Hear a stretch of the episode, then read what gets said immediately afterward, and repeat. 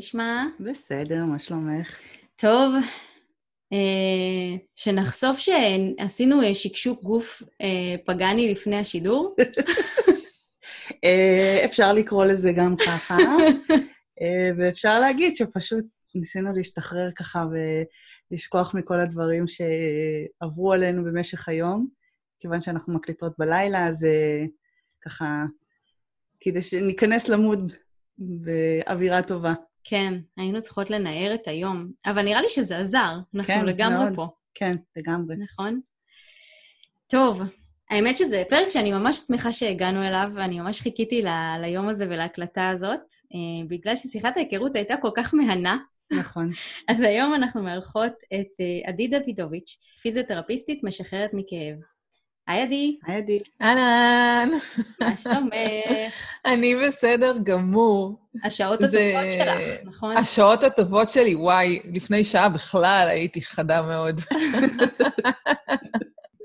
אז עדי מדברת איתנו מישראל. נכון. אצלי בוקר, השעה הכי, כאילו, זה השעות שלי. זה כיף שאפשר באמת, אה, שאנחנו יכולות לשחק עם הזמנים, וזה נוח, כי אחרת אם היינו באותם זמנים כל הזמן, אז היה קשה לתאם את, את, בדיוק את השעות המתאימות לכולם. Mm-hmm. כאן יש איזשהו mm-hmm. חופש uh, לעשות את זה. נכון, המפגש האחרון שלנו היה בתשע בערב, שזה השעות הלא טובות שלי. אני תמיד אומרת לאנשים בישראל שה... שהם מנסים להבין, רגע, מה הפרש שעות ואיך זה, עם, בין סיאטה לישראל, אז אני אומרת, בוקר או ערב? כאילו, אמצע היום זה שעות לא חוקיות, לא לפה ולא לפה.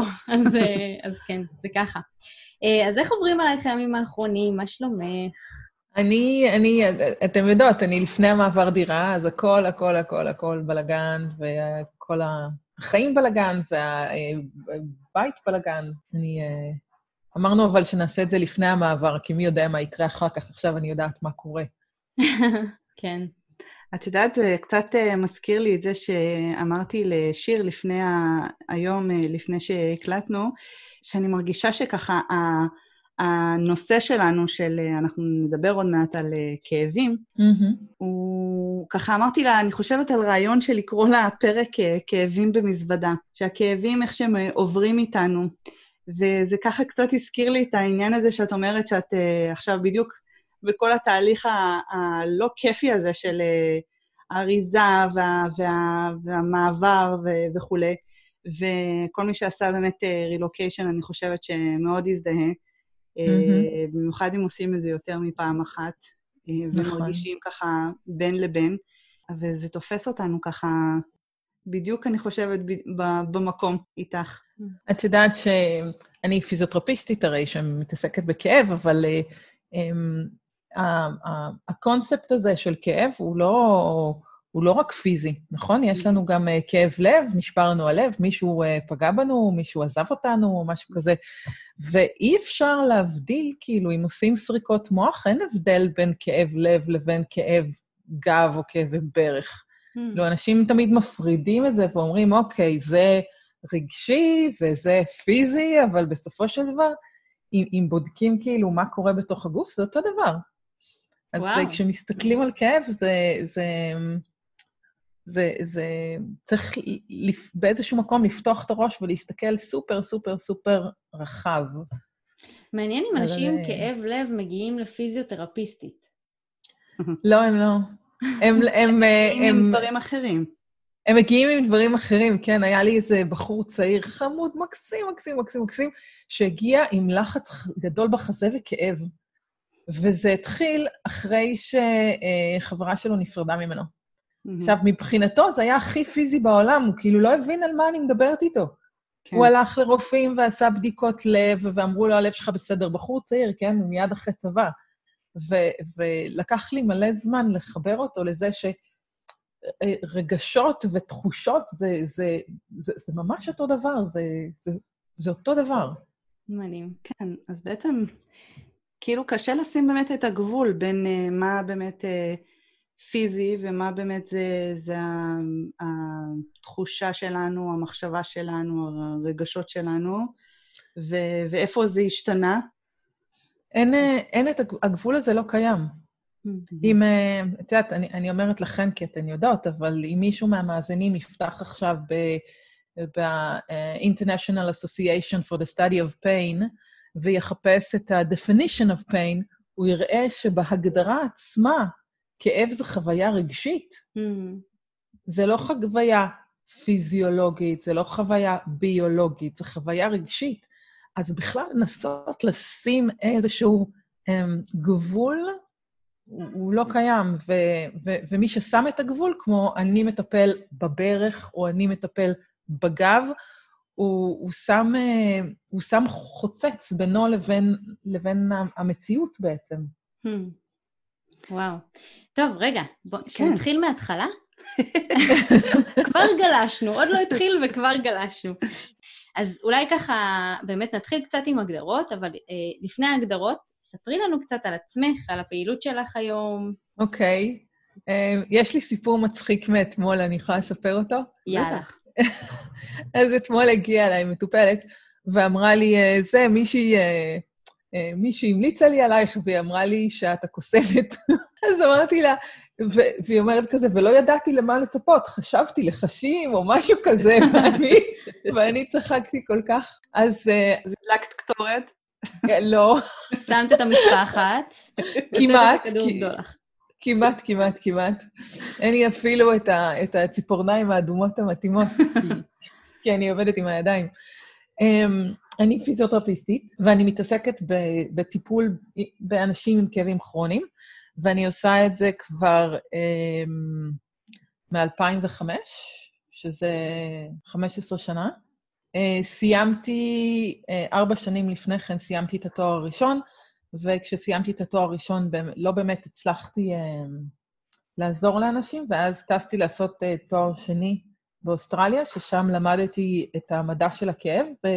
ומאז, מאז שחזרתי מאוסטרליה עד היום, כל מה שאני עושה זה רק אה, ללמוד את התחום הזה. בעצם אה, ללמוד מה זה כאב, לעשות קורסים ב- ב- במוח, בתפקוד של המוח, ו- ואיך אפשר לשנות את המוח, כי בסופו של דבר, אם, אה, אם כן נגלוש קצת קדימה ונחפש את ההגדרות, אה, אה, נסתכל בתוך ההגדרות, כאב זה תוצר של אה, החלטה מוחית. אוקיי? Okay? כמו כל דבר אחר בעולם. זה, המוח מחליט איך הוא תופס את העולם, וכאב זה סוג של החלטה שלו. כמו שאם משהו טעים לי, המוח מחליט אם טעים לי, כן? אין, אין על טעם ועל ריח אין מה להתווכח, כי לכל אחד יש מוח אחר, ולכן כל אחד יכול לחוות את אותה מנה אחרת. אז גם חוויה גופנית, המוח יכול לפרש בדרכים שונות, ו, ו, וכל מה שאני עושה וכל מה שאני מתעסקת זה לחפש איך אפשר לפצח את הקוד הזה של איך המוח חווה את העולם. אז בעצם, אז בעצם כאב זה, זה, זה תחושה או מחשבה? אין דבר כזה תחושה, אוקיי? Okay? אני, אני מלמדת את זה ואני מעבירה את זה בקורסים. המושג תחושה הוא מושג מאוד פלואידי. זה כל, כל החוויה שלנו בעולם היא מחשבות. אוקיי? Okay? אם אני אבקש ממך עכשיו לעצור ולחשוב, למשל, תגידי לי את ה, אה, איך, איך החולצה שלך מרגישה עלייך. נכון? זו תחושה, נכון? זה מגע. כן. אבל אם אני אבקש משיר לידך ללבוש בדיוק את אותה חולצה שאת לובשת, לה התחושה תהיה שונה. אז מה זה אומר? זה אומר שההבדל בינך לבינה זה לא המבנה של העצבים, זה החוויה שיש לך בתוך הסנסיישן הזה, שזה המגע של החולצה. וההבדל ביניכם זה לא, ה... זה, זה, זה, הוא לא מבני, הוא לא ביולוגי, אלא הוא. ההתפתחות שלכם, החוויה שלכם, הדרך שבה אתם רואות את העולם. אולי בדרך שבה את רואה את העולם אה, כותנה זה נעים, ו- ו- ובדרך שבה היא רואה את העולם כותנה זה לא נעים.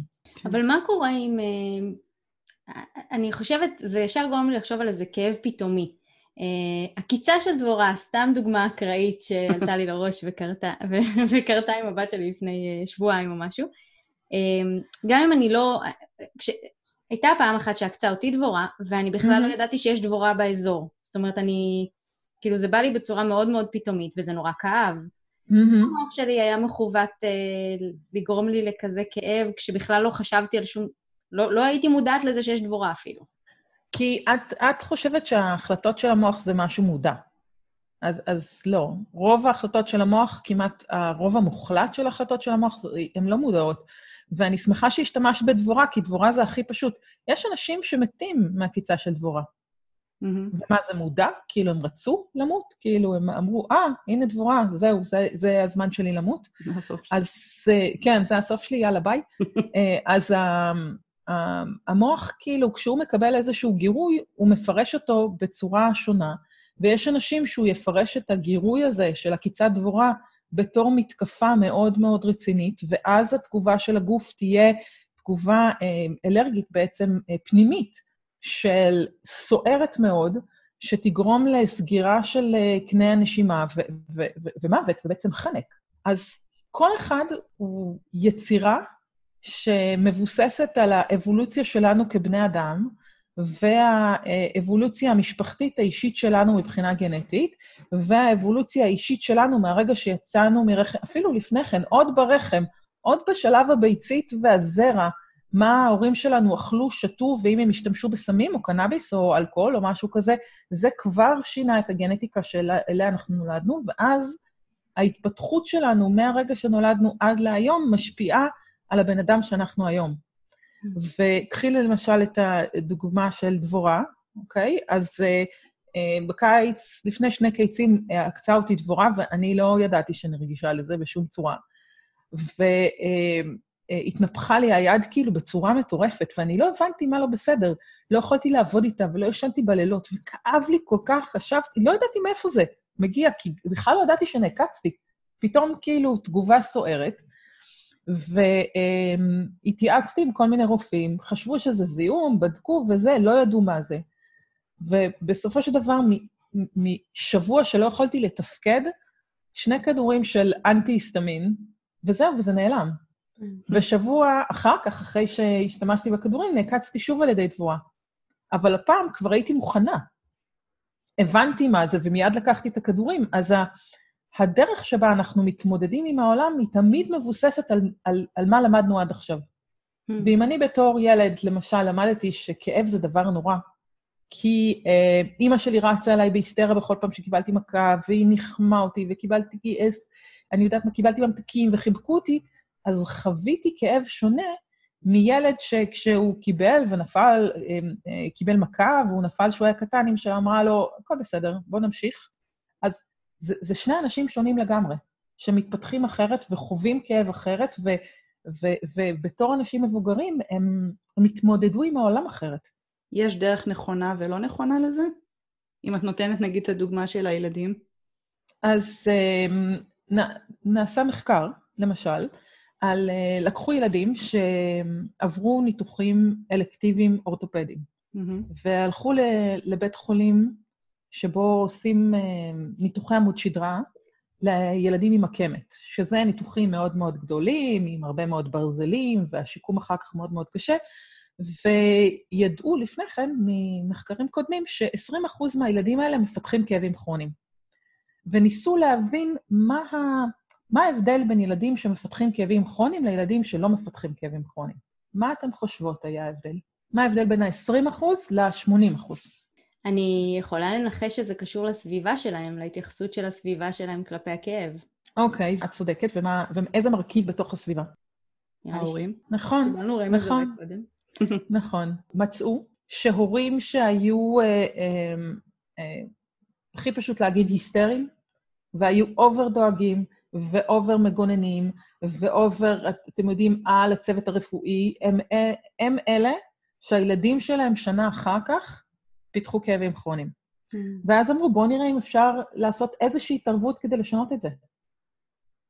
אז בניסוי השני שעשו, לקחו את ההורים שידעו שיש אה, איזשהו סיכוי שהילדים שלהם יפתחו כאבים כרוניים בגלל שהם היו אובר דואגים ועודף היסטריים, ומה שעשו, לקבוצה אחת נתנו איזושהי התערבות שבהם הסבירו להם על הניתוח, ולקבוצה השנייה נתנו את ההסבר על הניתוח וגם הסבירו את החשיבות של ההורה להיות רגוע ותומך ו- ו- ובעצם אה, להוריד את הלחץ מהילד ואת ה- ול- ולתת לו את התחושה שהגוף שלו זה דבר חזק ובריא.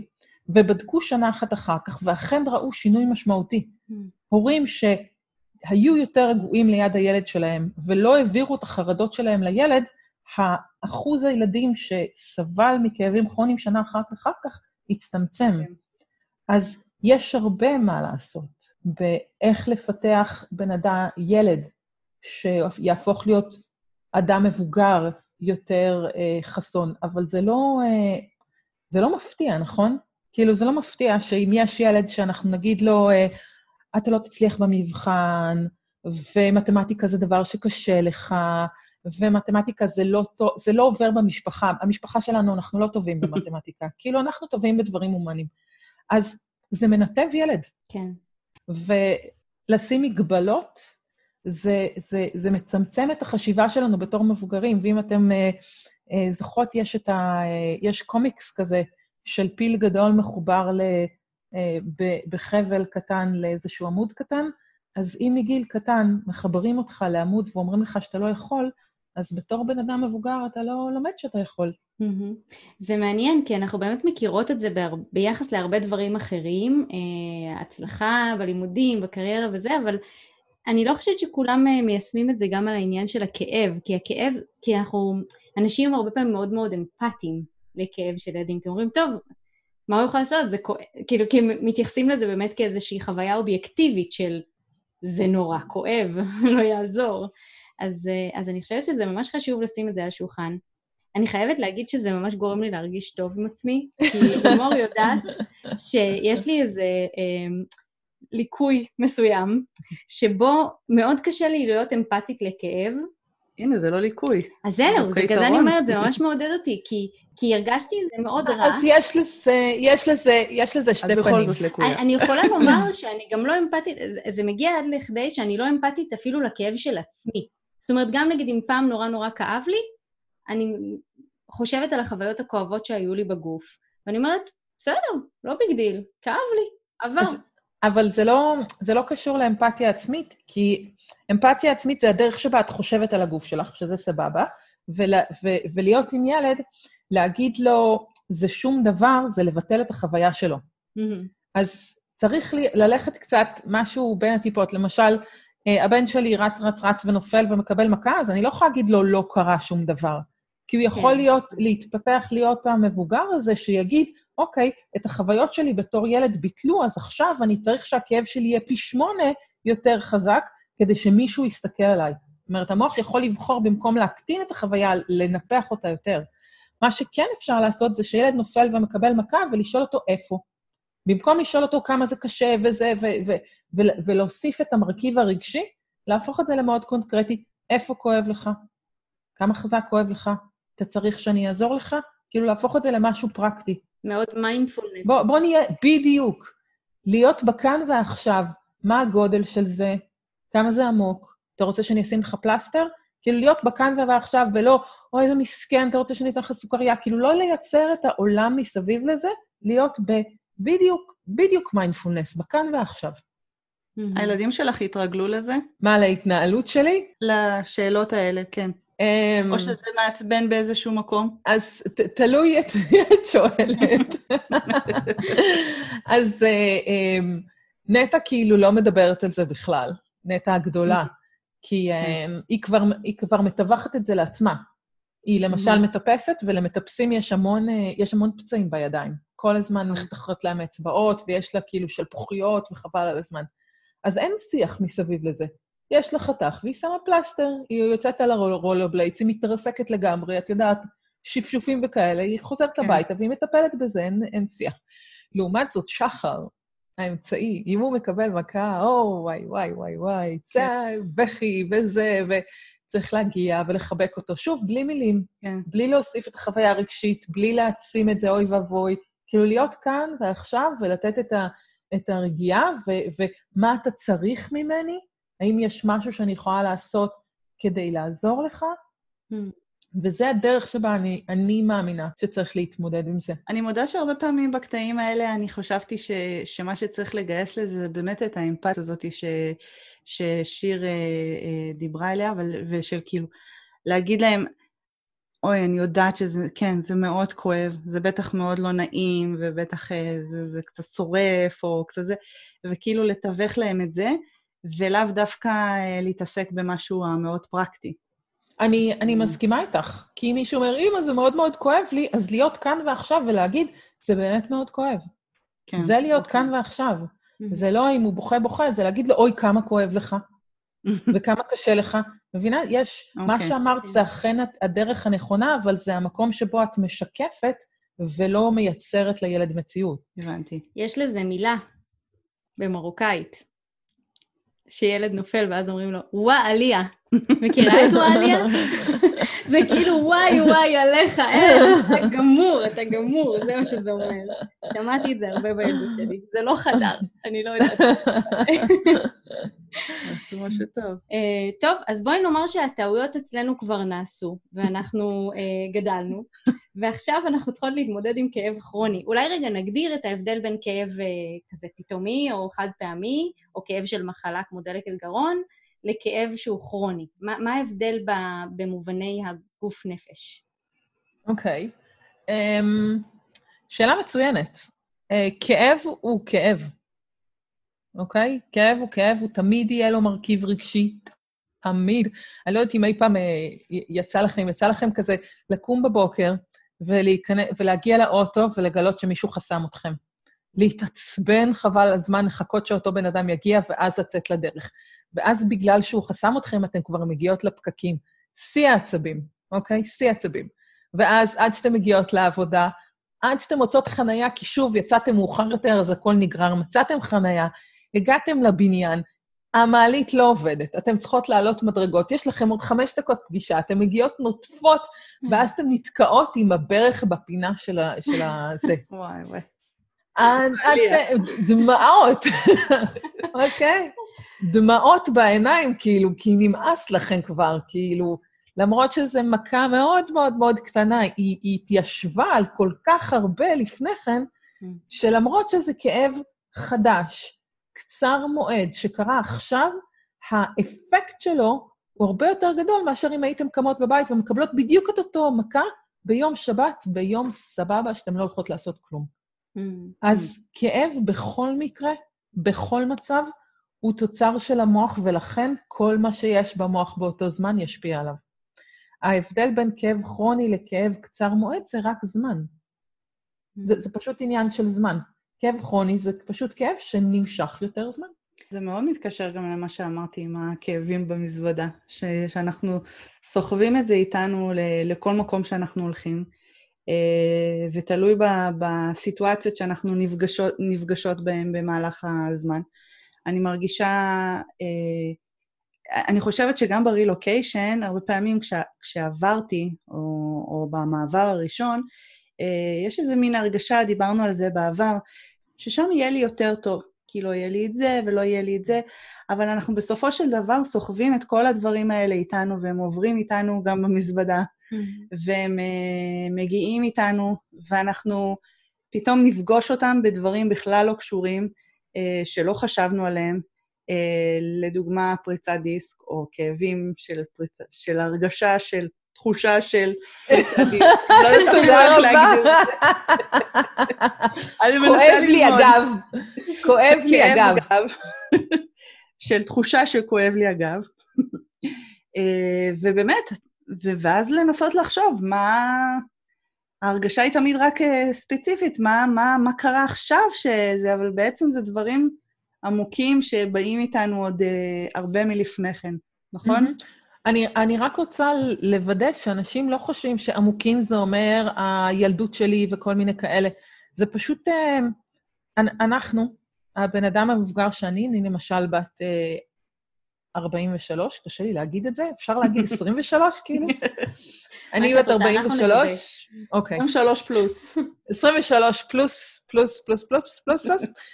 ואני מבוססת, הבן אדם שיושב כאן מולכם מבוסס על 43 שנה מינימום של חוויות שבונות את עצמם אחת על השנייה. הסיבה שאני יודעת... אהבתי שאמרת מינימום. מינימום, זה באמת המינימום, כאילו, כי אני כן. הרבה לפני כן. הסיבה שאני יודעת שהחולצה שלך שחורה היא בגלל שמישהו מתישהו בילדותי הצביע על הדבר הזה ואמר שחור. ואם מישהו היה מצביע על הדבר הזה והיה אומר כחול, בעולם שלי זה היה כחול. אז אין, אין שום דבר שבא, ש, שעובר דרך העיניים שלי ולא עובר את הפילטרים של מה שלמדתי עד עכשיו, ואם אני, את יודעת, היה לי, היה לי בן זוג והוא עזב אותי, כאילו, נפרדנו, הוא נפרד ממני, וואטאבר, ועכשיו לצאת לדייטים זה שונה מאשר לפני שפגשתי אותו. נכון. Okay, זה, זה, זה, זה, אני, אני היום בן אדם שונה ממה שהייתי לפני חצי שנה. כי ככה זה, ובכל יום אני בן אדם שונה. ובכל יום אני נושאת עליי את היום שלפני כן ואת כל הימים שלפניו. אז uh, את צודקת, כשאני הולכת, אני לכל מקום הולכת עם המזוודה שלי, אבל מה ש... כשאני עובדת עם אנשים עם כאב, אני uh, פותחת איתם את המזוודה ובודקת מה יש שם. Mm. וכשבודקים מה שיש במזוודה ורואים למשל שיש, אנחנו סוחבים איתנו משהו שהוא לא קשור בכלל לכאב הנוכחי הזה. למשל, אנחנו סוחבים איתנו פחד מפריצות דיסק, כי um, כשהיינו, uh, לפני שלוש שנים, גרנו באיזשהו מקום, והשכנה למעלה היה לה פריצת דיסק, ונכנסה לניתוח, ויצאה מהניתוח בכיסא גלגלים. Mm. אז בתוך זה, בתוך המוח שלנו, יש את החוויה הזאת שכאב גב יכול להסתיים בכיסא גלגלים. Mm-hmm. עכשיו, זה לא מודע, זה לא בכוונה, זה לא משהו שאנחנו יכולים למחוק אותו, כי אי אפשר למחוק שום דבר. כאילו, כל מה שנכנס מוטבע לנו בתוך המוח ואי אפשר למחוק אותו. מה שאנחנו כן יכולים, אנחנו יכולים לעבוד איתו. אם אתן, למשל, אה, אתן יודעות עברית ואנגלית טוב, mm-hmm. נכון? כן. אם אני רוצה ללמד אתכם צרפתית, אתן תוכל כן. ללמוד נא? אז אני יכולה ללמד אתכם צרפתית, וכשאני עובדת עם אנשים, אני בעצם מלמד אותם סוג של צרפתית, אני מלמדת אותם שפה חדשה של לדבר עם הגוף, אז לא מחקתי לכם לא את האנגלית ולא את העברית, הן נמצאות שם, אבל יש לכם עכשיו שפה חדשה. ואם מאיזושהי סיבה, אה, אני יודעת מה, תלכו, תתכופפו, תרימו משהו, והאנגלית תחזור, הכאב גב יחזור, אז תוכלו להשתמש בשפה החדשה, לפרש את המידע הזה, ולשנות את ה output. אוקיי, מעכשיו אני מדברת צרפתית. אז זה לא... אמ, זה נשמע מסובך, אבל זה לא מאוד מסובך, זה ממש ללמוד שפה אחרת. אז כמו mindfulness, mindfulness זה ללמוד שפה אחרת, שפה אחרת של להסתכל על העולם. Mm. אז, אה, אז את, את אותה למידה עושים גם עם כאב. Mm-hmm. אז בואי באמת נדבר רגע על האיך, כי את אה, אמרת ככה, שהרבה פעמים הכאב הוא כביכול לא קשור, הוא, הוא לא קשור והוא גם אה, עמוק, עמוק בתת המודע והוא לא מודע בכלל. אז איך באמת מקלפים את השכבות כדי לדעת מה גורם למיגרנה הזאת? מה גורם לכאבי הגב החוזרים האלה? Um, אני לא אוהבת להשתמש במילה תת-מודע, כי אין באמת uh, הוכחות מדעיות לזה שקיים תת-מודע. יש כאילו כל מיני דברים שאנחנו יכולים להשתמש בהם, לשלוף אותם, ודברים שאנחנו לא יכולים לשלוף אותם, אבל הכל נמצא, הוא לא מוסתר. Um, בואו ניקח למשל מישהו עם כאב גב. אז כשהוא מגיע, הוא מספר את הסיפור שלו. גם אם זה 20 שנה, אני, הוא אומר לי, את רוצה את הגרסה הקצרה או את הגרסה הארוכה? אני, אני אומרת לו, אני רוצה את הגרסה המורחבת עם כל הכרכים, מהרגע, מהרגע שזה התחיל עד היום. ואז אני יושבת וכותבת וכותבת וכותבת וכותבת, וזה יכול להיות דפים על דפים, על כל מה שעבר עליו מהרגע שהכאב התחיל, ובתוך הסיפור עצמו יש, יש את כל הזרעים שבגללם כאב הפך מלהיות מכאב אקוטי, אוקיי? קמתי בבוקר ו... ו... ונתקעתי עם הברך בפינה של השולחן וכאב לי, לעומת קמתי בבוקר ומישהו חסם לי את החנייה ויצאתי מאוחר ועמדתי בפקקים, ואז הייתי צריכה להגיע ולא מצאתי חנייה, ו... והמעלית לא עבדה, וכאילו, הסיפור מאחורי זה אומר לי לאיזה מוח המידע הזה הגיע. ואז עם זה אני מתחילה, מתחילה לעבוד. האיסוף מידע נותן לי את כל האמונות המקבילות, למשל. כמו אה, אה, כואב לי הגב ולכן אסור לי להתכופף. אסור לי להרים דברים כבדים. ואז אני יושבת ועושה את רשימת האיסורים מהרגע שהבן אדם התחיל הכאב עד לרגע זה, ואז בעצם אני מקבלת את הרשימת דברים שהבן אדם הוריד מהחיים שלו, ובעצם הוריד מהתפקוד המוחי שלו. ו, ו, ו, וזה הדברים שהוא צריך לחזור לעשות. Mm. כל הדברים האלה שהוא פחד מהם, כי זה כמו ילד שהלך לשיעור, לבית ספר, והוא נכנס לשיעור מתמטיקה והוא אמר, טוב, אני לא טוב בחשבון, ואני לא טוב בגיאומטריה, ואני לא טוב בטריגנומטריה, ואז הוא צמצם את החיים שלו ל- ללימודים שהם רק עיוניים, כדי שהוא לא יצטרך לפגוש את המתמטיקה. אבל אם הוא רוצה ללכת ללמוד מחשבים, עכשיו אני צריכה ללמד אותו לפגוש מחדש את, ה, את כל אימת המספרים הזו שהייתה לפני כן. אז אני מחזירה אנשים ל- להאמין שהם יכולים לעשות את זה. Mm. אז נניח שזיהינו את השורש, שזה איזשהו אה, פחד, איזושהי חוויה אה, מסוימת, משהו שנצרב בזיכרון כזה מאוד, אה, חוויה רגשית מאוד חזקה שנצרפה בזיכרון שגורמת לדבר הזה להמשיך ולקרות. איך אה, יוצאים מזה? איך משנים את האמונות האלה? את המחשבות האלה שיוצרות את הכאב? איך מפסיקים לראות כל פעם שהכאב בא את הסיפור המסביב, שאיך הכל היה כל כך קשה ונורא? Um, אני אקח צעד אחד אחורה, שיר, ואני אתחיל בלהסביר שאם מישהו בא עם כאב אליי, אחרי uh, 15 שנה, אני יודעת שהמוח שלו במשך 15 שנה האחרונות חשב שהוא נמצא בסכנה. כי כאב זה אומנם אה, חוויה רגשית לא נעימה, שבאה כתוצאה מנזק או פוטנציאל הנזק, או מתוארת במילים כאלו. זאת אומרת שכל עוד המוח חושב שהוא נמצא בסכנה, זה לא משנה מה קורה בגוף, החוויה היא שצריך להישמר ממשהו. אז האיסוף מידע שאני עושה, אני מחפשת בעצם מה הסכנות שהבן אדם חושב שקיימות, ואז העבודה יחד איתו זה בעצם באיזשהו מקום לנפץ את המיתוסים האלה. ואחד מהדברים הראשונים שבדרך כלל אנשים מתעמתים איתם, זה העובדה שהגוף מרפא את עצמו. הגוף מרפא את עצמו בלי שום קשר לכאב. שברנו את הרגל, הגוף מאחה את, את העצם. חתכנו את האור, הגוף מאחה את האור. אנחנו אה, עשינו קרע בשריר, הגוף מאחה את זה, עשינו קרע ברצועה, הגוף מאחה את זה, הגוף מטפל בבעיות שלו. אבל הכאב נשאר הרבה אחרי שהגוף מטפל בבעיות שלו. ולכן ההגדרה המחקרית לכאב כרוני זה כאב שנמשך מעבר לשלושה חודשים. ולמה דווקא שלושה חודשים? כי רקמה נורמלית בגוף נורמלי צריכה להירפא סופית, סגור, מעולה, אחרי שלושה חודשים. אז כל כאב שנמשך מעבר לזה, אנחנו יודעים שהוא נמשך מעבר לפיזיולוגיה הנורמלית של ריפוי פצעים בגוף. כאב שנשאר אחר כך זה כאב שיושב על, על סכנה. וברגע שאני מסבירה לאנשים, תקשיב, הגוף מרפא את עצמו. אז הוא אומר לי, אבל למה נשאר כאב? ואני אומרת להם, אוקיי, בוא, בוא נראה. בוא, בוא, בוא נבדוק למה נשאר כאב. אז הוא אומר, רגע, אבל אני לא יכול להרים, זה יפגע בגב שלי. זאת אומרת, אני תמיד שואלת אותו, למה? כאילו, מי אמר שזה יפגע בגב שלך? למה אני יכולה להרים ואתה לא? ואנשים, אה, מישהי אמרה לי, אני לא יכולה ללכת על עקבים. אז אמרתי לה, למה? אז היא אומרת, כי זה לא בריא לגב שלי. אז הלכתי והבאתי נעלי עקב, ו- ולבשתי את הנעלי עקב, ואמרתי לה, אוקיי, לי זה פוגע בגב? לא. אז מה ההבדל בינינו? החוליות שלי אוקיי, עקומות okay, וכזה, לא? זה לא מה ש... אבל, אבל, אבל אין דבר כזה חוליות עקומות. אין, אין מושג כזה חוליות עקומות, אין, אין, אין, אין לקות בגוף. אנשים, לפעמים זה כל כך מצחיק אותי. אם מישהו היה לומד פיזיולוגיה וכמה הדבר, הדבר הזה שאנחנו חיים בתוכו מושלם, הוא בכלל לא היה חושב שיכול להיות איתו בעיה. הדבר הזה, הגוף האדם, זה גאוני. כל תא אחד בתוך הגוף שלנו זה מושלמות. שנייה. רגע, הלכת לי רחוק מדי. אוקיי, כן. סליחה. ואני בן אדם מאוד חיובי. מה זאת אומרת?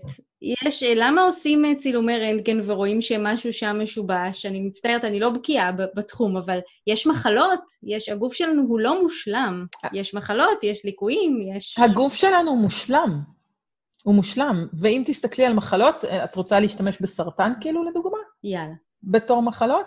אז אה, הסרטן זה פשוט תא, פשוט, כן? סרטן זה תא שמשכפל את עצמו מהר מדי, והביטוי הגנטי שלו הוא לא תקין. Mm-hmm. זה אומר שחלק בתוך הדבר המושלם הזה, שהוא שייך לנו, יוצא משליטה. אז פה אנחנו, אה, יש טעות, אבל אם תיקחי את זה לעולם של הכאבים, זאת אומרת, בעיות מוסקולוסקלטליות, כי שזה רוב האנשים, אם תלכי לרופא ותשאלי אותו כמה פעמים הוא פגש מישהו שיש לו סרטן, לעומת כמה פעמים הוא פגש מישהו שכואב לו הברכיים, בר... כאבי ברכיים זה, זה הביקור מספר אחת אצל רופא המשפחה. Mm-hmm. אז רוב ה- ה- התלונות, כל התלונות על הכאבים, זה על דבר מושלם. וקחי לדוגמה דלקת גרון, הגוף מרפא את זה. זיהום ברגל, הגוף מרפא את זה. כאילו, מה... הסיבה שסרטן הוא כל כך בעייתי, כי זה רקמה ששייכת לגוף, ואכן הגוף לא מרפא את עצמו מעצמו. אבל כל דבר חיצוני שקורה לו, הגוף מרפא את זה. אני גם אה, איפשהו איבדתי אותך, ודווקא מפתיע אותי שאת אומרת, מי שלומד פיזיולוגיה, דווקא אה, לא יבין, או לא, לא יבין את העניין הזה של כאילו למה אף אחד לא, לא מבין את כמה שזה, הגוף הוא מושלם ויכול לעשות את הדברים. אני חושבת להפך, בתור אחת שכן למדה פיזיולוגיה של הגוף, אני חושבת שאני כן, יש לי הרבה כבוד ל, ל, למסוגלות של הגוף, ש, אה, באמת, להירפא ו- ו- ולעשות דברים. זה באמת מכונה מדהימה שאין כמוה, אבל מצד שני, אני כן למדתי גם על הרבה בעיות ו- וקשיים ו- ושינויים אה, ב- ב- ב- בעצמות, בחוליות, ש- שגורמות לזה שאותו בן אדם לא יכול, נגיד, אם החוליות שלי אה, אה, מחוברות או, אה, או, או עקומות, אז בטח שזה ישפיע על כל שאר הגוף שלי. אז אה, חול... חוליות עקומות, את מדברת על הקמת? אה, נגיד הקמת. אוקיי, אז. בואי ניקח נגיד הקמת. אז הקמת לא נמצא שום קורלציה בין אה, מידת העקמת לבין כאב. כאילו, העובדה שלמישהו יש הקמת, זה לא נכון. אומר שכואב לו. ואני חושבת שספציפית הקמת, זה דווקא משהו די, אי אפשר להגיד מגניב, אבל זה משהו מאוד מאוד מיוחד. כי יש חוליה שהתפתחה לה כמו שצריך, וכל הגוף יתארגן סביבה. כן. מבחינה אבולוציונית זה גאוני. הגוף מפצה על הדברים האלה, אבל הפיצוי הרבה פעמים הוא זה שגורם לכאב. את קוראת לזה פיצוי, אני קוראת לזה שכלול. אוקיי. את רואה את זה מהצד השלילי, כאילו, הוא עושה משהו כדי להסתדר, ואני מסתכלת מהצד האבולוציוני, הוא ראה שיש איזשהו משהו שלא מתפקד כמו שצריך, אז הוא עשה תיקון. הוא כאילו, הוא מתאים את עצמו לסביבה. כן. והסתכלו על האבולוציה, האבולוציה עצמה, אנחנו... אה, זה לא החזק שורד, זה מי שמתאים את עצמו לסביבה שורד. Mm. אז קחי למשל את, ה, את היציבה שלנו. Mm. היציבה שלנו כולה מסתדרת ככה שהעיניים יהיו, בגו, ב, ב, יסתכלו לאופק ישר. כן. זה לא משנה מה קורה, התיקונים תמיד יהיו ככה שהעיניים יראו את האופק ישר. זה לא מגניב? כאילו, מה שמעניין את המוח זה להסתדר בעולם, המראה החיצוני, שאומנם יכול להיות כאילו משמח אותנו, לא כך מעניין אותו, הישרדות זה מה שיותר מעניין אותו. אז מבחינה אבולוציונית הוא מתאים את עצמו ככה לזה שהוא יכול להיות פריט שישרוד הלאה. ואם תסתכלי על כל שאר הדברים, השינויים האלה שאת קוראת אליהם, שאת, שאת מתייחסת אליהם, זה שינויים של הזמן. אין לך שום מכונה, שום מכונה שתצליח לשרוד כמו בעל חיים. ואני מדברת על כל בעלי החיים, אנחנו פשוט אחד מבעלי החיים, אבל mm. אנחנו כל הזמן מתקנים את עצמנו, ובאיזשהו שלב אנחנו, היכולת שלנו לתקן את עצמנו יורדת, כי אנחנו מתבגרים, ואז אנחנו מתחמצנים, אבל, אבל זה תהליך טבעי, זה כמו לבקש מ... מ אני יודעת מה, מ, מסוס לחיות 200 שנה. גם סוס לא יכול לחיות 200 שנה. צב, לעומת זאת, שעשה, אה, אה, אה, שחי בתוך הבית שלו ונמצא במקום מאוד מאוד מוגן, הוא מסוגל לחיות מאות שנים. בני אדם, אנחנו לא חיים בתוך הבית שלנו, אנחנו חיים, יכולים לחיות פחות. כאלה שכן. כן, אבל... מצאת את הפתרון. אין, אין, זה פרק הרמה עצמית. אני תמיד טוענת שאין שום סיבה לצאת מהבית. שמש, אבל כן, לא, לא ניכנס לפינות האלה. אבל הדבר הזה הוא, הוא גאוני, וגם כשאנחנו מזדקנים, אנחנו מזדקנים בצורה יפה וטובה, ואם נתנהג לגוף שלנו כמו שצריך, שזה אומר שינה טובה, אכילה בריאה ו- ו- ופעילות גופנית, כאילו, לא פיצחנו את הקוד, לא נחיה, לא נחיה עד גיל 200, אבל בהחלט אנחנו נחיה עד גיל מבוגר, בריאים, איכותיים. Mm, וואו. מעורר השראה לשמוע. לימור, מה את אומרת על ההסבר? הגלגלים עובדים. אני מנסה לחשוב ככה. אמ, כן, בתור אחת שיושבת כאן עם, אה, עם הרבה בעיות שצצו לה אה, לאורך השנים, אבל במיוחד בשנה האחרונה ככה היה את כל העניין הזה של הגב רק לא מזמן, מיגרנות. אני מנסה, אני באמת מנסה לחשוב על זה. איך, איך אני... זאת אומרת, האמת היא שבשיחה הקודמת שלנו, שהייתה לנו, וניסינו לעשות uh, תרגיל כזה, ואני מודה ש, שזה המשיך להדהד והמשכתי לחשוב, אני יכולה לספר, נכון? ברור. זה שלך, זה לא שלי. אז התרגיל שעשינו היה לגבי אה, העניין הזה של הגב. אני יכולה, אני יכולה להסביר למאזינים מה, מה עשינו? כן, בטח. פשוט במפגש הקודם, לימור סיפרה לי על הכאב גב שלה, שאני לא אתן את הפרטים כי זה סודיות, אבל כן. uh, אני, uh, אני אספר לכם שכשאנשים באים עם כאבים בכלל, יש להם כל מיני uh, מחשבות על הכאבים שלהם. למשל, כואב לי הגב כי יש לי פריצת דיסק, כואב לי הגב כי...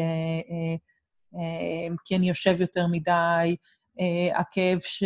הגב שלי הוא חלש. יש לנו כל מיני אה, משפטים כאלה שרצים לנו בתוך הראש. Mm-hmm. וברגע שאנחנו מאמינים למשפטים האלה, או אנחנו אוחזים במשפטים האלה חזק, הם קצת מנהלים אותנו. אוקיי? Okay? זה כמו המחשבה, אה, אני מכוער, אני לא מוצלח, אני לא טוב במתמטיקה, אני לא אצליח בעבודה. זה מחשבות ש, שאנחנו באיזשהו מקום אנחנו מקשיבים להם ו- ונותנים להם לנהל אותנו. אבל ברגע, אנחנו, יש לנו את האופציה לקחת צעד אחד אחורה ולראות שהם רק מחשבות ולהחליט האם אני רוצה להקשיב להם או לא, אוקיי? אז uh, אם אני אומרת, יש לי מחשבה שאני לא טובה במתמטיקה, יש לי מחשבה שאני לא מוצלחת, אז כשאני רואה שזו רק מחשבה, ואם אני יכולה להגיד, אני מתבוננת שיש לי מחשבה שהגב שלי הוא חלש, ואני מתבוננת שיש לי מחשבה שישיבה ממושכת פוגעת בי, ואני מתבוננת שיש לי מחשבה שהכאב גב שלי זה בגלל פריצת דיסק, אז אני לוקחת איזשהו סוג של מרחק. זה תרגיל שהוא מתוך uh, שיטת טיפול שנקראת uh, ACT, Acceptance and Commitment Therapy, שבה אנחנו לוקחים איזשהו מרחק מהמחשבות שלנו. עכשיו, התוכן של המחשבה שלנו זה ממש לא משנה אם זה אמיתי או לא אמיתי. אנחנו תמיד אבל צריכים להתבונן ולראות שזו רק מחשבה. למשל, אני לא טובה במתמטיקה, יכולה להיות מחשבה הכי נכונה בעולם, אוקיי? כל המבחנים שלי במתמטיקה קיבלתי אפס. כן. אבל אם אני לא אגש לאיזשהו תואר בגלל שהמחשבה שלי שאני לא טובה במתמטיקה נמצאת בראש שלי ומנהלת אותי, אז אני אפסיד משהו. אבל אם יש לי את המחשבה הזאת, שיכול להיות ממש הכי אמיתית בעולם, מבוססת על מדע מדויק של כל המבחנים שעשיתי עד היום, ולמרות המחשבה הזאת, אני כן אגש ללימודי מחשבים, ואני אתן צ'אנס נוסף ללמוד מתמטיקה, אולי ייפול עליי מורה מצוין, שיגרום לי להבין את החומר כמו שלא הבנתי אותו כשהייתי בתיכון. Mm. אז אנחנו צריכים לדעת לקחת איזשהו מרחק מהמחשבות, ואז כשאנחנו לוקחים מרחק מהמחשבות שלנו ורואים שהן רק מחשבות, אנחנו יכולים לראות האם אנחנו רוצים שהמחשבה תנהל אותי, או אני רוצה לנהל אותה. וכשאנחנו לוקחים מרחק מהמחשבות המגבילות שלנו על, על גב, אנחנו גם יכולים באיזשהו מקום להיפרד מהכאב הזה. כי הכאב, יש לי, כואב לי הגב בגלל שיש לי פריצת דיסק, שזו סוג של מחשבה, מתוך המחשבה שפריצת דיסק זה דבר מסוכן, אז אם אני מבינה שפריצת דיסק זה לא דבר מסוכן, ושכואב לי הגב כי יש לי פריצת דיסק זו רק מחשבה, המרחק הזה מאפשר אמ, למוח לשחרר, ולא להחזיק בתחושה הזו של הסכנה. אני יכולה להוסיף שבטון קצת יותר רוחני אולי, יש הרי, יש את אה, אני ואת עצמי, אה, ש, שבעצם כמו שאנשים אומרים, אני לא אוהב את עצמי, כזה, מי זה אני ומי זה עצמי? מה זה, יש פה שני, שני דברים? אז, אז אני מייצג את האגו, וזה בעצם המחשבות, כמו שאני זה, זה ה...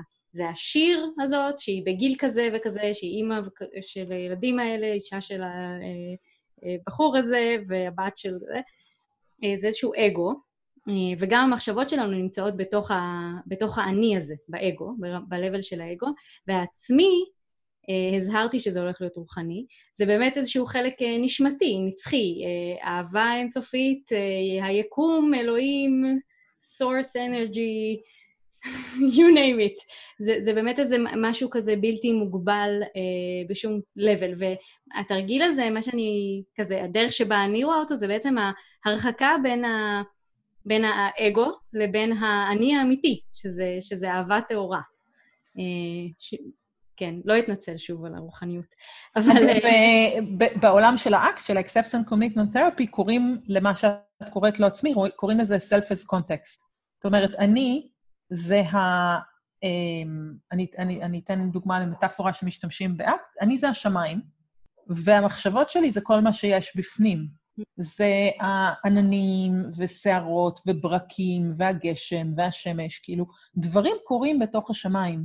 אז דברים יכולים להיות מחשבות שלי ומחשבות על, על, על מי אני ועל זה שאני אימא ו- ואני, אה, ויש לי ילדים וזאתי העבודה שלי, אז כל זה נמצא בתוך השמיים, אבל, אבל, אבל זה רק התוכן, וזה יכול להתחלף. כי אני יכולה להיות היום, היום פיזיותרפיסטית ומחר משהו אחר, נכון? זה, המקצוע שלי יכול להשתנות.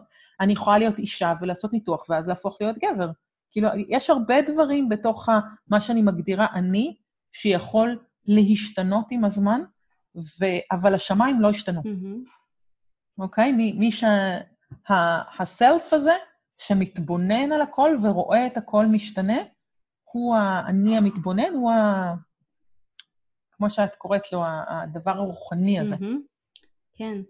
And, uh, באמת הנקודה הזאת של המחשב, ש, שהמחשבות הן לא, uh, הן לא האמת והן לא אני. Uh, זה, אני חושבת שזו נקודה שמאוד uh, שווה לרדת לעומקה ו- וליישם אותה. וחשוב להבין שגם כשהמחשבה היא אמת, היא עדיין מחשבה. Mm-hmm. כאילו, כי לפעמים אנשים יכולים להגיד לי, אבל זה אמיתי, אבל זה אמיתי, אבל רואים ב-CT, רואים ב-CT את הפריצת דיק, זה אמיתי. ואני אומרת לו, אוקיי, ואיך המחשבה הזאת מקדמת אותך? כאילו, איך האמת הזאת, לאן היא מובילה אותך? כי אנשים חושבים שהם... בואו בוא נדבר קצת על פסיכולוגיה חיובית, של לחשוב על עצמי דברים חיוביים, אבל לפעמים לחשוב על עצמי דברים חיוביים יכול להיות משהו שהוא מקל בגלגלים. Mm. אם אני חושב על עצמי, אני מאוד מאוד מאוד מוצלח, אז אולי אני אפחד לעשות דברים שיוכיחו שאני לא מוצלחת. למשל, לנסות איזשהו ספורט אתגרי, שסביר להניח שאני אתרסק בו, אבל המבט שלי על עצמי זה שאני מוצלחת, ואז אני לא יכולה להיכשל, ואז אני לא אנסה בכלל. אז כל המחשבות שלנו, חיוביות, שליליות, אמיתיות, לא אמיתיות, לא, לא משנה מה, הן רק מחשבות.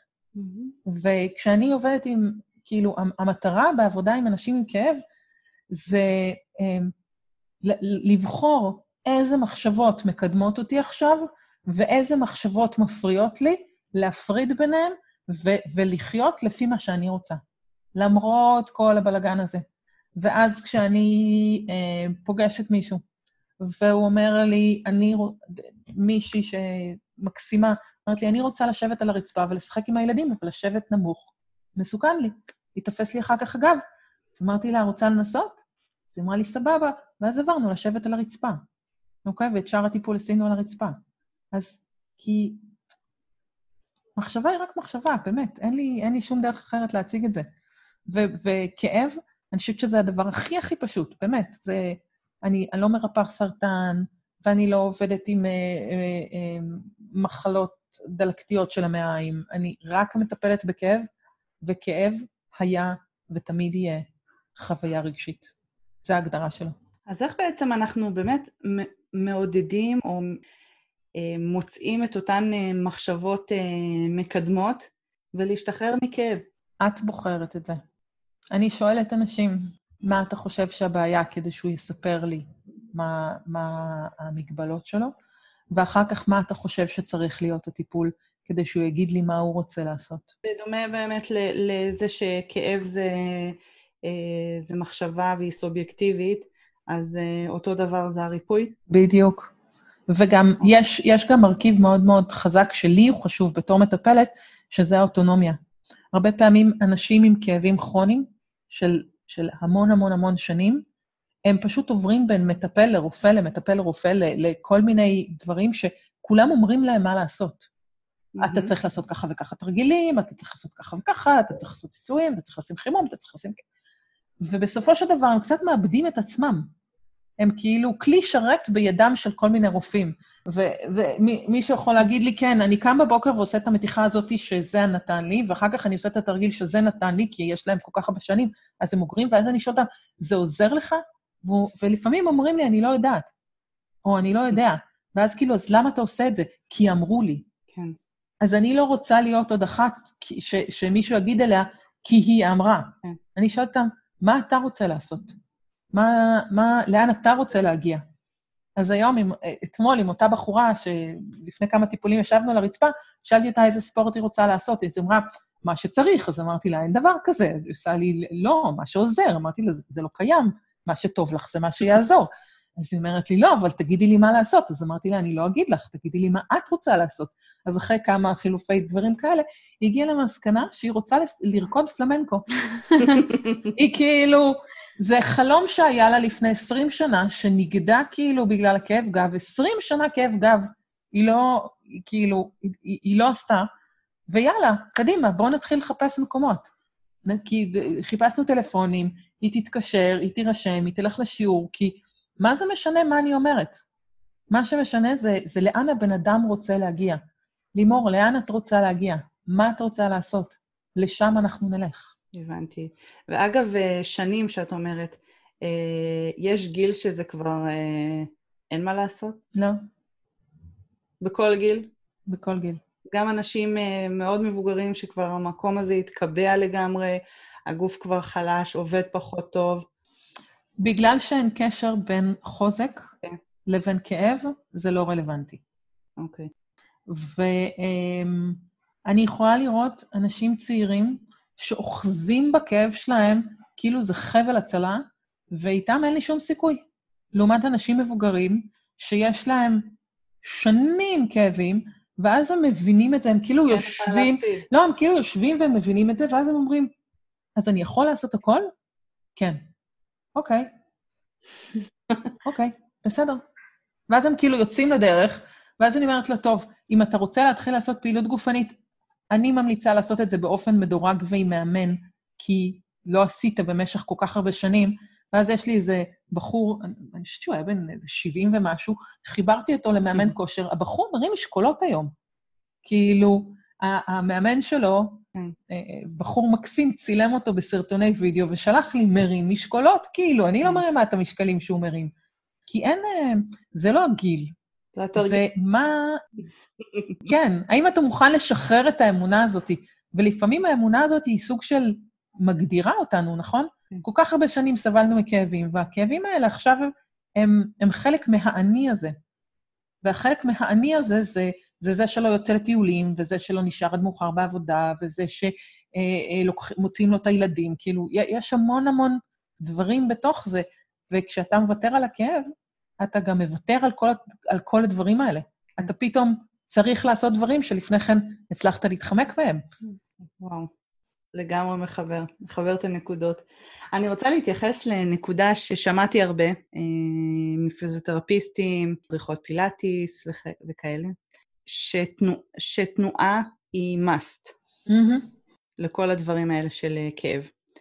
אה, מודה שברגעים הכי הכי קשים של הכאבי גב שלי, אה, לא הייתי מסוגלת בכלל לחשוב על, או לעודד את עצמי, או להביא את עצמי למצב של איזושהי תנועה, או אפילו הליכה קצרה או משהו, זה היה מסתכם לפעמים הליכה של שני מטר ליד הבית וחזרה, כי הכאבים היו כל כך חזקים. קודם כל, האם זה נכון? נכון. ודבר שני, אם זה, אוקיי, ואם זה נכון, אז אה, איך בעצם מעודדים את ה... או, או מצליחים לעודד לבד את, ה, את התנועה למרות הכאבים? אמ, שני חלקים לתשובה שלי. אחד, תנועה זה, זה תקשורת בין המוח לבין הגוף. אוקיי? תסתכלו, תינוק נולד, מה הוא עושה? מזיז את האצבעות, מסתכל עליהם, משחק עם הידיים, בועט. אין שום סיבה בעולם שהוא יזיז את הידיים והרגליים כמו שהוא עושה במיטה, נכון? הוא, כעיקרון, הוא יכל פשוט לשכב שרוע ולא לעשות כלום, ורק לחכות שיביאו לו אוכל. ולמרות זאת הוא מזיז. התנועה הזאת והכניסה של ידיים לתוך הפה והליקוק, כל הדברים האלה, ולהביא רגל, ידיים, אל, רגליים אל הפה, זה הכל אה, דרך של המוח לחקור את העולם דרך הכלי היחידי שיש לו, זה, זה הגוף שלנו. וכשאנחנו מוותרים על תנועה, אנחנו מוותרים על סוג של תקשורת. אנחנו חווים את העולם בתקשורת של עיניים ואוזניים, אנחנו שוכחים שיש עוד המון תקשורת, נכון? מישהו שם עלינו יד ומלטף אותנו, לעומת מישהו שצובט אותנו, זה תקשורת של מגע, זה שני דברים שונים לגמרי, ושני הדברים האלה יגידו דברים שונים על התקשורת שלנו עם אותו בן אדם. כן. אז אנחנו, התנועה מאפשרת למוח לתקשר עם העולם. וברגע שאנחנו מצמצמים את זה, אנחנו באיזשהו מקום מפריעים לתפקוד שלו ואנחנו מעלים את רמת החרדה שלו. אם אני אכניס אתכם לתוך אה, מיטה ואני אקשור אתכם, אני בטוחה במאה אחוז שהדופק שלכם יהיה 140, אוקיי? אנשים נורמליים, רגילים, שקושרים אותם, זה, זה חוויה מאוד מאוד לא נעימה. למרות ששום דבר לא יקרה, ואתם יודעים ששום דבר לא יקרה, ואתם מכירים את מי שנמצא בחדר, החוויה של, של קשירה היא לא, היא לא חוויה חיובית. אז תנועה זה דבר טוב. כשכואב לנו, ואנחנו צריכים לעשות תנועה למרות שכואב לנו, אנחנו תמיד צריכים לחשוב בראש, לאו דווקא רק לגבי תנועה, מה אני רוצה? לאן אני רוצה להגיע? מה המטרות, כאילו, מה, איזה מין בן אדם אני רוצה להיות? ברור שאני יכולה להישאר בבית ולשכב במיטה, אבל זה מה שאני רוצה לעשות? כאילו, זה, זה הבן אדם שאני רוצה להיות? זה שנשאר במיטה? או אני רוצה להיות זאתי שתלך להביא את הילדים שלה, עם הכאב גב. אז אם זה אקוטי, אקוטי, אקוטי, כאב חריף, חריף, חריף, אני אומרת לאנשים, אל תצאו לטייל בחוץ אם אתם לא יכולים. תתגלגלו במיטה מצד לצד. תעמדו עמידת שש, תזיזו את האגן לימין לשמאל, תייצרו איזושהי תנועה, ואם זה כואב, כל הזמן יהיה לכם בראש, איזה מין בן אדם אני רוצה להיות? אני רוצה להיות זה ששוכב במיטה ולא יוצא ממנה? Mm. לפני, אני יכולה לספר עוד סיפור? בטח. על בחור שהוא um, um, בשנות ה-40 לחייו, שבמשך שמונה שנים שכב במיטה, כי כאב לו הגב. עכשיו, כשהוא דיבר איתי בטלפון, הוא ביקש להגיע לביקור בית, שאני אגיע אליו לביקור בית, ואמרתי לו, אני לא מוכנה. אני לא מוכנה. אנשים ש... שכאילו, שאני צריכה להגיע אליהם בכאב כרוני, אני לא מטפלת בהם. הצעד הראשון זה אתה יוצא מהבית ומחליט שאתה רוצה לעשות שינוי. ואז הוא הגיע אליו, וישבנו ודיברנו, והוא סיפר לי את זה, ואז אמרתי לו, אוקיי, לאן אתה רוצה לצאת? ספר לי לאן אתה רוצה לצאת, ולמה בכלל לצאת מהמיטה? תן לי סיבה. הוא אומר, אני רוצה ללכת לים. אמרתי לו, אוקיי, יאללה, הולכים לים.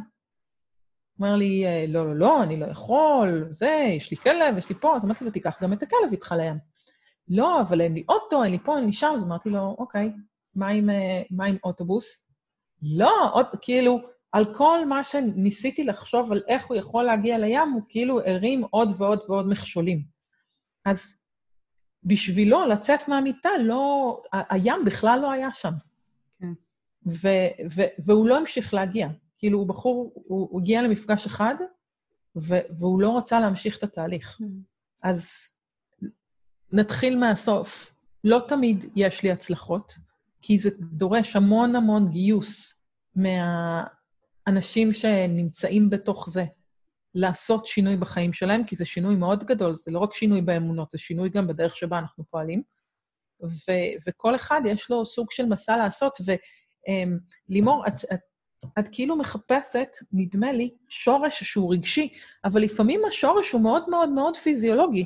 כאילו, היה לי אה, בחור צעיר שהיה לו שברי מאמץ בצבא, והשברי מאמץ אה, החמירו עד לדרגה שלוש, שזה מאוד מאוד מאוד חמור. ואז בגלל שהוא היה באיזושהי אה, אה, סיירת אה, מובחרת, והמפקדים שלו לא נהנו בכלל מהעובדה שהיה לו אה, פטורים ובטים וכאלה, אז הם ממש התעללו בו, ממש. נתנו לו לנקות הרצפה עם מברשת שיניים, כאילו, הכי גרוע שיש, לסחוב דליים עם חורים בתוכם. כאילו, כאילו האשימו אותו בכאב שלו. הכאב שלו כמובן החמיר כי המצוקה הרגשית שלו עם הבעיה הפיזיולוגית האמיתית של שבר מאמץ דרגה שלוש היה בשמיים.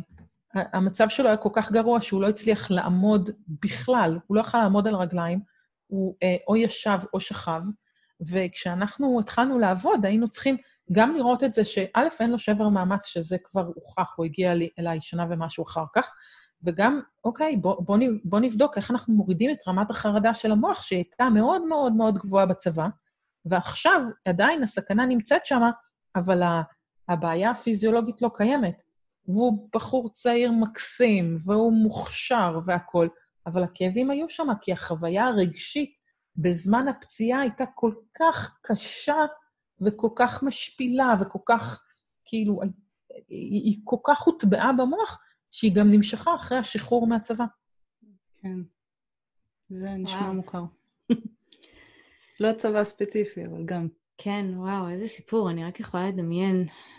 כל הסיפורי צבא, ברגע שאת הופכת לאימא. כן, אמ, כן. טוב, אז לפני שאנחנו אה, נסכם ונתכנס ככה לסיום, יש איזה שהם כלים פרקטיים שאת יכולה להציע למאזינים שסובלים מכאב כרוני, איזשהו צעד ראשון קטן שהם, שהם יכולים לנסות עם עצמם מיד אחרי ההאזנה לפרק הזה? Hmm. אני, אני, הייתי עושה, אני הייתי עושה רשימה, אוקיי? של, הייתי, הייתי מבקשת מאנשים לשבת ולעשות רשימה למתי כואב לי. כואב, כואב לי שאני ככה, כואב לי שאני ככה, כואב לי שאני ככה, ולבדוק את זה אם הרשימה הזאת היא בכלל נכונה. מה זאת אומרת עם הרשימה כאילו- הנכונה?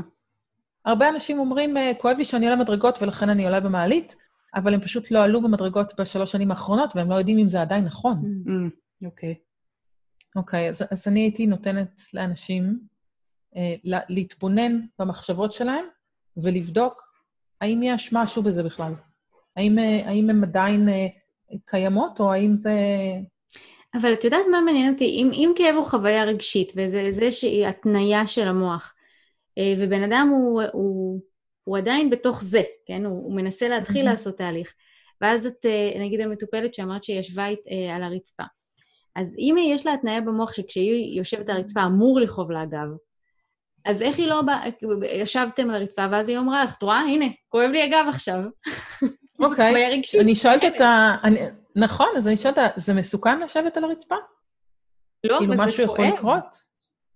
בסדר, אוקיי. האם את רוצה להיות הבן אדם שיושב על הרצפה ומשחק עם הילדה שלו? Mm. כן. זה כל הזמן, מה, מה אתה רוצה? איזה מין בן אדם אתה רוצה להיות? כאילו, מה, אז אולי זה יהיה מה הכלי אתה רוצה השני, לעשות? של מי הבן כן. אדם שאני רוצה להיות. נכון, אוקיי. נכון. תודה, לימור. נכון. ואני מודעת לזה שזה לא פשוט לעשות לבד, כן? אני לא, אני, אמ, אני כבר, אני חושבת ששלוש שנים מנסה לכתוב ספר, אבל זה כל פעם, לא משנה כמה אני כותבת, ועוד פרק ועוד פרק. אני, אני אומרת, אני לא רוצה למכור לאנשים את זה שזה פשוט, כי כאב זה דבר מורכב, והרבה פעמים צריך עזרה, ועובדה שאנשים הולכים למטפלים ומטפלים עוזרים להם, כן? זה לא... אז אני לא רוצה לתת לאנשים את התחושה ש, אה, כן, אתה תעשה רשימה וזה יעבור. מהמם. אתה תמצא לעצמך יעדים ומטרות וזה יעבור. אתה כאילו... אני, אני מבינה שלפעמים צריך עזרה. כן. אוקיי? אני, אה, אני, אני מכבדת את זה שלאנשים כאב 20 שנה, ו, וזה קשה. מהמם. זה קשה להשתחרר מהתניות, וזה קשה להשתחרר מאמונות מגבילות, וזה קשה... כאילו, אם זה היה קל, אז כולן היינו רזות, נכון? לא מעשנות, אה, אוכלות אך ורק בריא, ועושות ספורט מהבוקר עד הערב, אוקיי? אם הרגלים טובים היה דבר קל, כולנו היינו משלם, מושלמים. אבל אנחנו לא, אנחנו בני אדם. אז זה מוביל אותי בדיוק לשאלה הבאה, אה, של איך אפשר להגיע אלייך, אה, איזה סוגי אה, אה, טיפולים ותהליכים אפשר לעבור אצלך, איזה סוגי מוצרים אפשר למצוא. אז uh, אני, um, אני פיזיותרפיסטית, אז אני um, um, מטפלת, גם בזום וגם בפנים אל פנים. Uh, עכשיו, כשזום נכנס לתמונה, אז כל אלה שהיו מגיעים אליי פנים אל פנים לא טורחים להגיע באוטו, כי הרבה פעמים זה באמת שיחה ולא תמיד, כאילו, לפעמים יש מגע, אבל זה לא קורה לעיתים קרובות. שזה באמת אה, מאוד היה לה טוב לדעת, בגלל, ש... בגלל שאנחנו מדברים אה, עם אנשים שנמצאים, המאזינים שלנו נמצאים בכל רחבי העולם, אז, אה, אז זה טוב לדעת שבאמת אפשר לעשות את התהליכים האלה גם אה, מבלי להיפגש פיזית, פנים מול פנים. כן, אפשר לשבת עם המחשב על הרצפה, זה לא... ואני מעבירה אה, קורסים לאנשי מקצוע, לאיך לעבוד עם אנשים שיש להם כאבים כרוניים. אני מעבירה קורסים באנטומיה למורים לתנועה מנקודת המבט של הגוף זה דבר חזק ואיך אפשר לעבוד איתו. ואני, ואני עושה הרצאות לקהל הרחב. פשוט אה, הרבה פעמים אני עושה את זה פנים אל פנים כי אני, כי אני זזה ומדגימה, ואנשים קמים ומראים כל מיני דברים. אה, בעידן הזום יצא לי פעם אחת לעשות את זה בזום, זה היה סופר מוזר. אה, אה, אי אפשר להקים אנשים שהם יעשו דברים. אה, אה, וזהו. ואפשר להשיג אותי בדף העסקי שלי, ב- באתר שלי. נהדר. אז אנחנו נוסיף את כל הלינקים בתיאור הפרק. אוקיי. אני, אני יכולה להגיד את הדברים שלפי דעתי הכי חשובים לבריאות. בטח. רצוי. שינה, תזונה ופעילות גופנית. רשמתי. צריך לקעקע. אוקיי? רוצים, אה, צריך לקעקע. תישנו טוב, לישון טוב זה הרבה שעות, בלי להתעורר, בלי, אה, בלי, טל, בלי טלפונים וכאלה, לישון טוב, תרגישו הרבה יותר טוב למחרת, לאכול טוב ובריא ולזוז. לקחנו. איזה כיף. מעולה. אני מרגישה אפופת השראה, עדי. תודה רבה שהזמנתם אותי. היה תענוג, היה מעניין ומעורר השראה, ואני באמת לוקחת הרבה צידה לדרך. אני ממלאה את המזוודה מחדש, אבל לא בכאבים אני שמחה. ודברים אחרים. נכון. תודה רבה לכל מי שמאזין. תודה רבה לכם, ואנחנו נתראה בפרק הבא. ביי ביי. ביי ביי.